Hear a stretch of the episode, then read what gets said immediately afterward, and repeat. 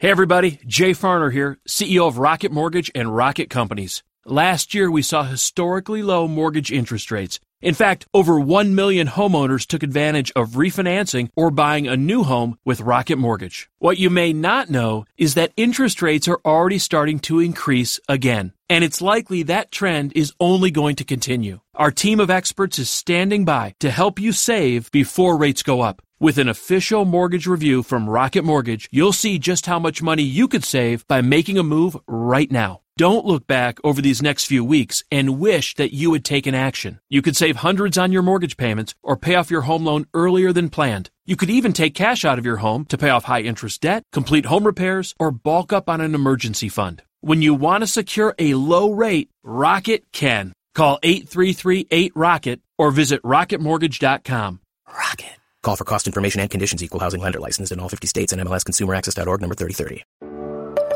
This is what matters most, and I'm Matt Popovits. Look, life is crazier than ever, and lots of people, maybe even you, are feeling anxious and overwhelmed. Today's message is designed to help you figure out what's most important and to experience the peace and joy that God intends for you. Because life is a gift, and it shouldn't be wasted on worry. I'd like to give you a resource, something to help you navigate the road ahead. Just go to mattpopovits.com, click on the icon, and we'll send it to you. That's Matt, P-O-P-O-V-I-T-S dot com. And hey, if you happen to live in the Houston area, I'd love to see you on a Sunday morning at St. Mark in Spring Branch. Head to stmarkhouston.org to plan your visit. Here's today's message. Thanks for listening. Our roadmap for this conversation are two phrases that are found in the, in the Pledge of Allegiance. Uh, one phrase is one nation under God, and then with liberty and justice for all. And today we're going to look at that second phrase, with liberty and justice for all. Uh, specifically, we're going to look at how people of faith are called to leverage their liberty to love other people. We are to leverage whatever liberty we're given to love other people. And there's one way in particular in which we do that by speaking up, by using our voice. And that's what I'm going to dive into now how a Christian can leverage their liberty to love other people by using their voice and their freedom of expression in a very particular way. Society, you could say, is composed kind of like an atom, A T O M. Society is kind of composed like an atom. It's an imperfect analogy, but, but go with me on this. If you remember back to seventh grade science, uh, there are certain particles and charges inside of an atom. There are positives, there are negatives, and then there are neutrals. Positives, negatives, and neutrals. And society is full of positive charges, people who are trying their best to work for the good of all. Society is also filled with negative charges, those who are pretty nasty, and we might disagree on who those nasty elements are, but we all agree that they exist. People who are not working in the best interest of our lives as citizens and, as, and, and, and our best interest of, of our country. And then there are a whole bunch of people who you could say are just neutrals. They, they don't speak up much, they kind of keep to themselves. They tend to go with whatever group or tribe happens to be the loudest at any particular moment. And that's true of neutral charges. They don't carry a charge, they take on the charge of whoever is next to them. And so, in a society, which role do you think Christians are called to play? We're called to be the positive charges, so to speak. We're called to be the ones who, insofar as it depends on us, we are working and living and laboring for the good of all and seeking to influence as many neutrals as possible so that there are more of us working for the good of all around us. That's our calling. Now, because we are people of faith, we have a particular understanding of what it means to be a force for good in this world.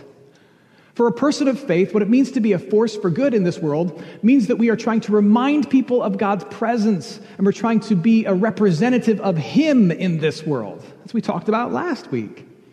Uh, there is a, a biblical way to talk about this. You, you could say that, that God's people have a prophetic role in society.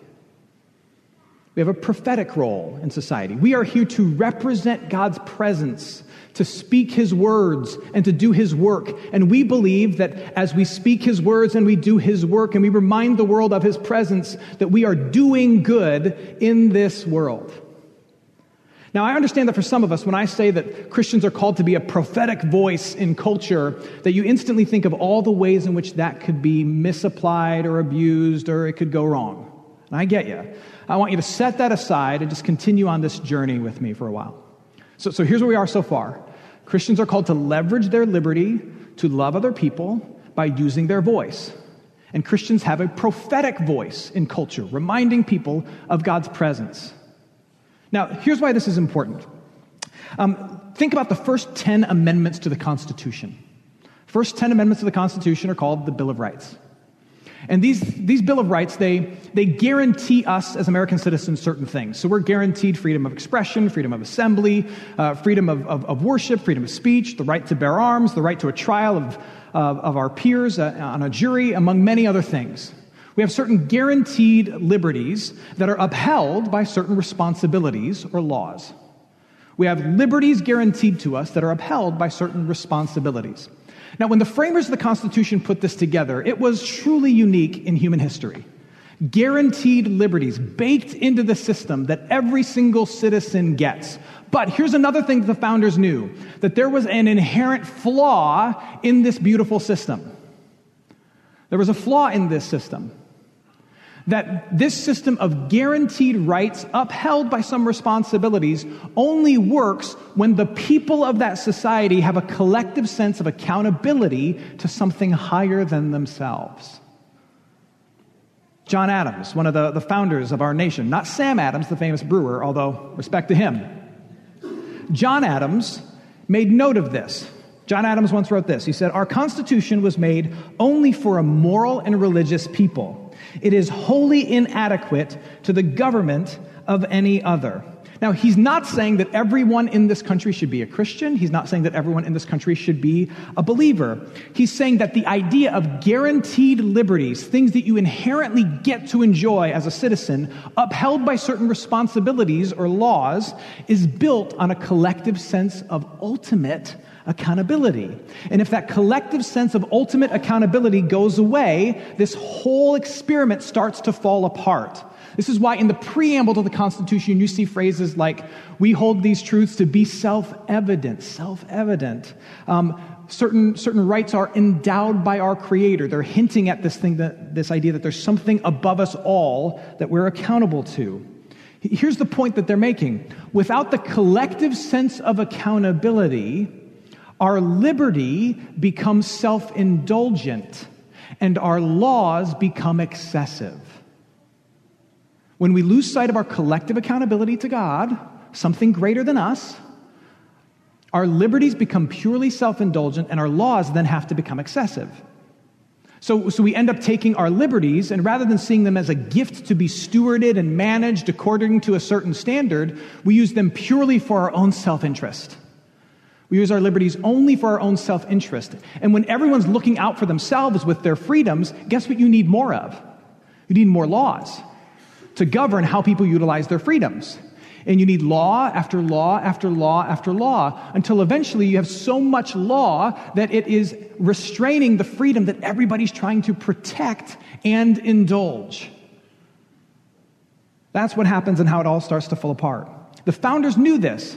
And they said the only way you avoid such a failure is if the people willingly restrain themselves out of a sense of ultimate accountability to something higher. Which was easier to do in colonial America, where there was a shared worldview about, an, about a deity above us that held us accountable, a shared sense of morality. It's much more difficult for us to live out in a pluralistic society, where many of us have lost sight of anything over us that we're accountable to. So, what does this mean for a Christian citizen whose role is to use their voice prophetically? What this means is that you are to use your voice in such a way that you remind yourselves and your neighbors that we are not alone, that we are accountable to something higher than us, that we are not simply to use our freedoms to indulge ourselves and enjoy ourselves, but they are gifts that are to be stewarded and utilized in a certain way and for certain reasons, lest lest our liberty become excessive and our laws become excessive as well. So, the first role of a Christian citizen as a prophet in this society is to remind ourselves and our neighbors of our ultimate divine accountability. There's someone we have to answer to. Let's use our liberty wisely. That's the first thing. Now, that's just one side of the coin. There's another side that we have to talk about. Um, my wife and I have been married for almost 18 years. Uh, we got married in 2002. Uh, for, for those who are, are, younger in the room, that was back when, when telephones had cords, cameras had film, and computers had monitors that were the size of like a Buick. And in almost 18 years of marriage, there, there's a lot that we've learned about how human beings, in particular these two human beings, Matt and Lisa, work. We haven't learned, a, we haven't learned everything, but we learned some things. And the thing I'm about to share with you sounds profound, but it really is simple. One of the things that Lisa and I have found to be true about human beings is that the flourishing of another person cannot be commanded, it can only be inspired. The flourishing of another person, in particular your spouse, you want them to become the best possible version of themselves. I want my wife to be the, the, the, the, most loving, the kindest, the most forgiving, most beautiful version of herself she can possibly be for herself and for others and for me. But I cannot command that of her. I can only inspire that in her. I mean, you can try to command it in your spouse and say, hey, you need to be more loving, you need to be more kind, you need to be more forgiving, and you need to look your best too. Oh, see how that goes. See how that goes for you. I mean, you can try it, but they'll ignore you because you're a jerk if you do it. No, the, the best way to, to encourage the flourishing of my spouse, the best way to encourage her being the best version of herself is for me to offer her the best version of myself. I offer her the best version of myself, and then that inspires in her a desire and a drive to offer me the best version of herself. That's how human flourishing is encouraged. Now, here's where I'm going with this. In the same way, in the same way, no law passed by any country will bring out the best in that country. No law or command from a country will bring out the best, the flourishing in that country. Laws simply show us laws simply show us what behavior to avoid. They don't tell us what we can become.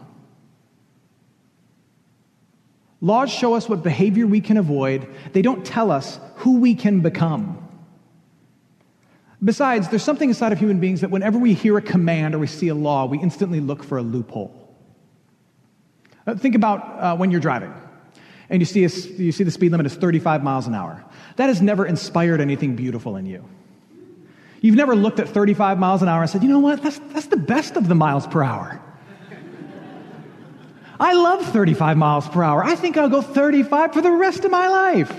No, here's what happens. You see 35, you instantly look for a loophole. You say, it's 35 miles per hour. I can probably get away with 38. Set my cruise. That's what you do. That's what we do with commands. That's what we do with laws. Every society must be reminded of its ultimate accountability, but every society must also be inspired to virtue. It can't be commanded to virtue, it has to be inspired to virtue. So, guess, Christian citizen, what our job is. Our job is to remind our neighbors that we're ultimately accountable to something greater, so we use our liberty wisely, but we're also there to help inspire our neighbors and our society to a higher level of living, to a higher calling, to higher virtue. We can't look at our neighbors and say, You should be better. We must give our neighbors our best self and inspire something better in them, in others, and in our nation as a whole. We inspire. Look at the words of Isaiah, the prophet in the Old Testament. He's talking about the role of God's people in the ancient world, and this was their role in the ancient world. Isaiah says, Is it too light a thing that you should be my servant to raise up the tribes of Jacob and to bring back the preserved of Israel? Here's the key I will make you as a light for the nations, that my salvation may reach to the end of the earth. Now, now, certainly, Isaiah was talking about God's mission for his people to live as the messengers of his mercy. But he's also talking about how God's people were to carry themselves in such a way that the rest of the world was to see what's possible, to see who they could become when walking in step with the will of God. Now, I, I get that up to this point, this, this message is like pretty philosophical. Here's where we've been so far. Um, we are to use our liberties to love other people. We are to use our freedom of expression and use our voice to speak prophetically. Prophetically, meaning we remind people that there's a God above us to whom we're accountable, and we inspire other people to a higher level of living. All of which causes us to ask the question yeah, but how is that lived out? How is that lived out? The best way that it's lived out is this it's not by you posting anything on Facebook. It's not by you getting into an argument about politics or what the right way to live is over the Thanksgiving table with your cousin or your nephew. The best way is not even in how you vote, although voting is extremely important as a citizen. It comes down to what I talked about last week. The best way for you to hold the world accountable to something higher and to inspire some greater living in the lives of your neighbors is ultimately in how you choose to live your own life each and every day. When you, as a follower of Jesus, when you, when you leverage, when you leverage your rights in order to love other people, uncompelled by any law to do so, that's when you make the greatest impact in this world. When you leverage your liberty, uncompelled by any law, to love other people, that's when you make the greatest impact.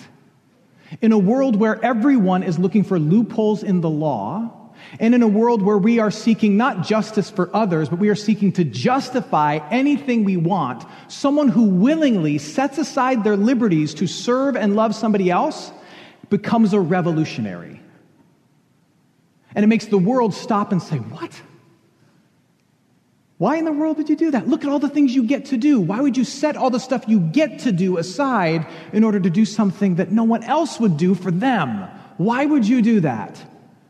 That is a revolutionary act in our day and age. And that is how you remind people that there's someone greater above us and there's a higher level of living that can be achieved by us. That's how you live prophetically. This is what the apostle Paul is getting at in what was today's reading, 1 Corinthians chapter 9. This is Paul's pastoral philosophy. Listen to what he says. He says, Although I'm free from all people, meaning I don't owe anybody anything, I have made myself a slave for all people to win more of them. I've become everything to everyone in order to save at least some of them. I do all of this for the sake of the good news in order to share what it offers. Paul is saying, I leverage my freedom to do whatever the most loving thing possible is.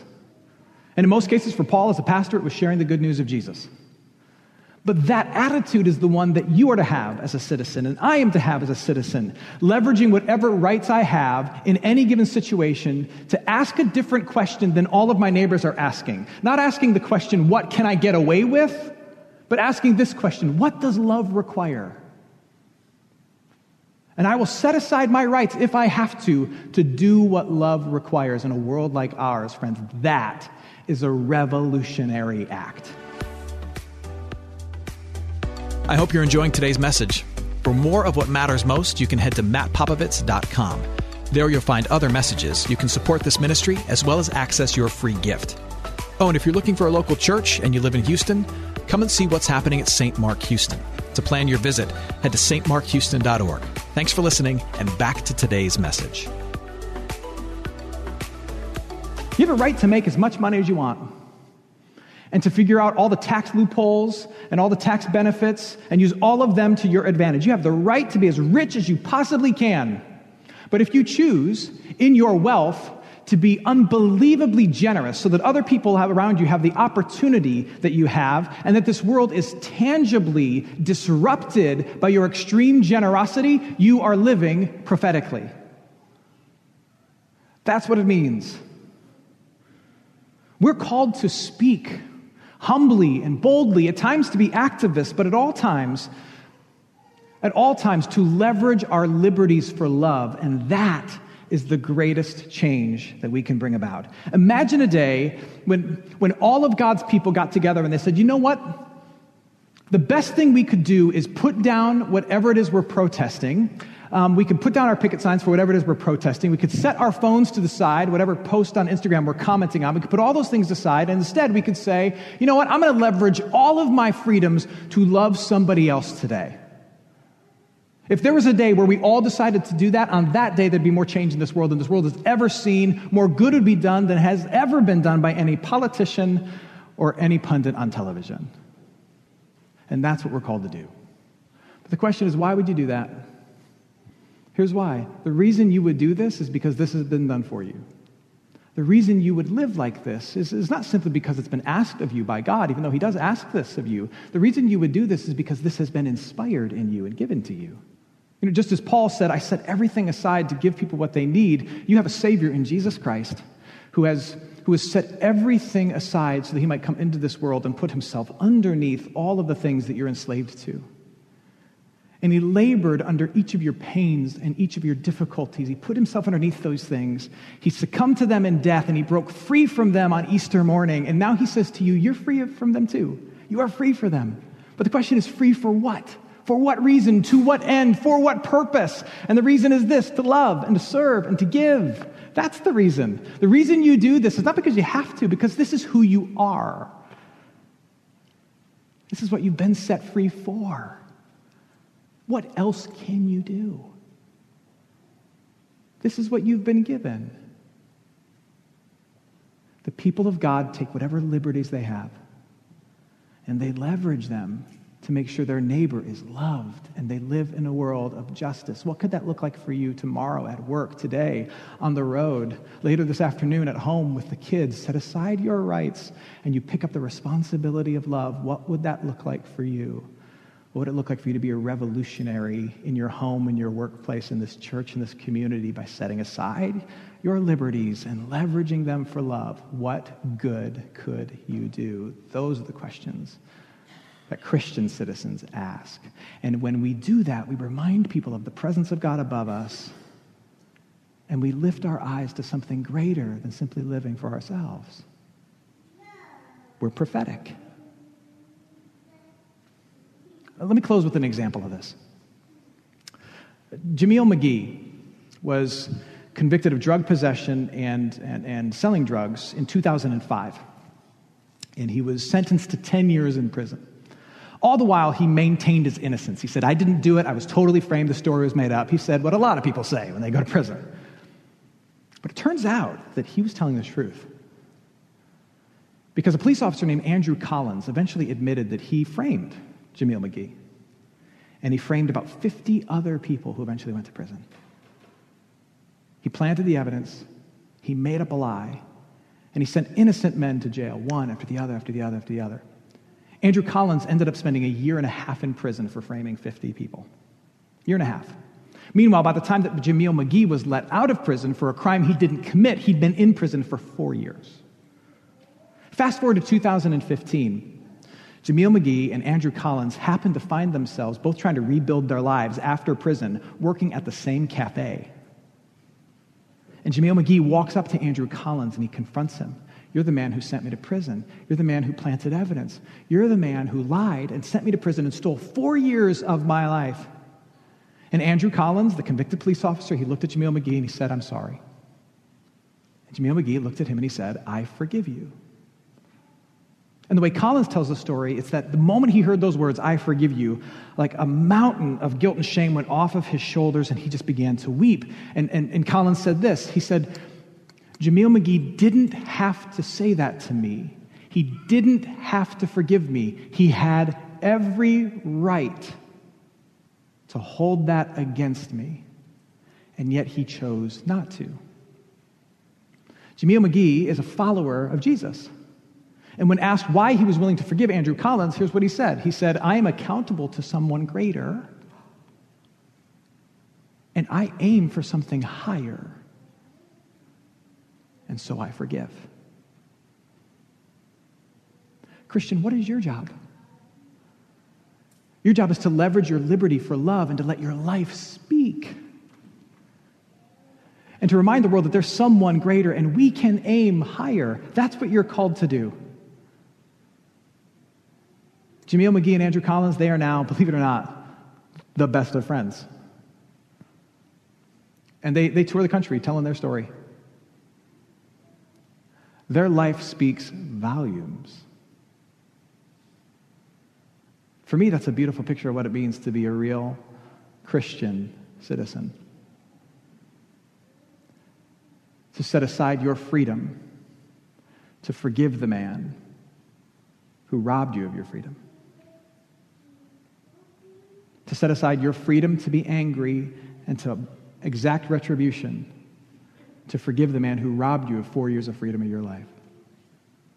That's a life that speaks. As we head into a political season, let your life speak as well. Be prophetic. Leverage your liberty for love. Remind the people around you that there's someone above us and something higher can be aimed for by all of us. Hey, it's Matt. I hope you enjoyed what matters most. Here's what I need you to know life is a gift, and it shouldn't be wasted on worry. I want to help you figure out what's most important and to experience the peace and joy that God intends for you. So, for more content, you can head to mattpopovits.com. That's Matt, P O P O V I T S.com. There, you can also support this ministry as well as access your free resource, a little something to help you navigate the road ahead. I'd also love to see you on a Sunday morning. If you're in the Houston area, head to stmarkhouston.org to plan your visit. In the meantime, hit me up on Instagram at mpopovits or at facebook.com slash mattpopovitsministries. Thanks for listening. Now go and hold tight to what matters most.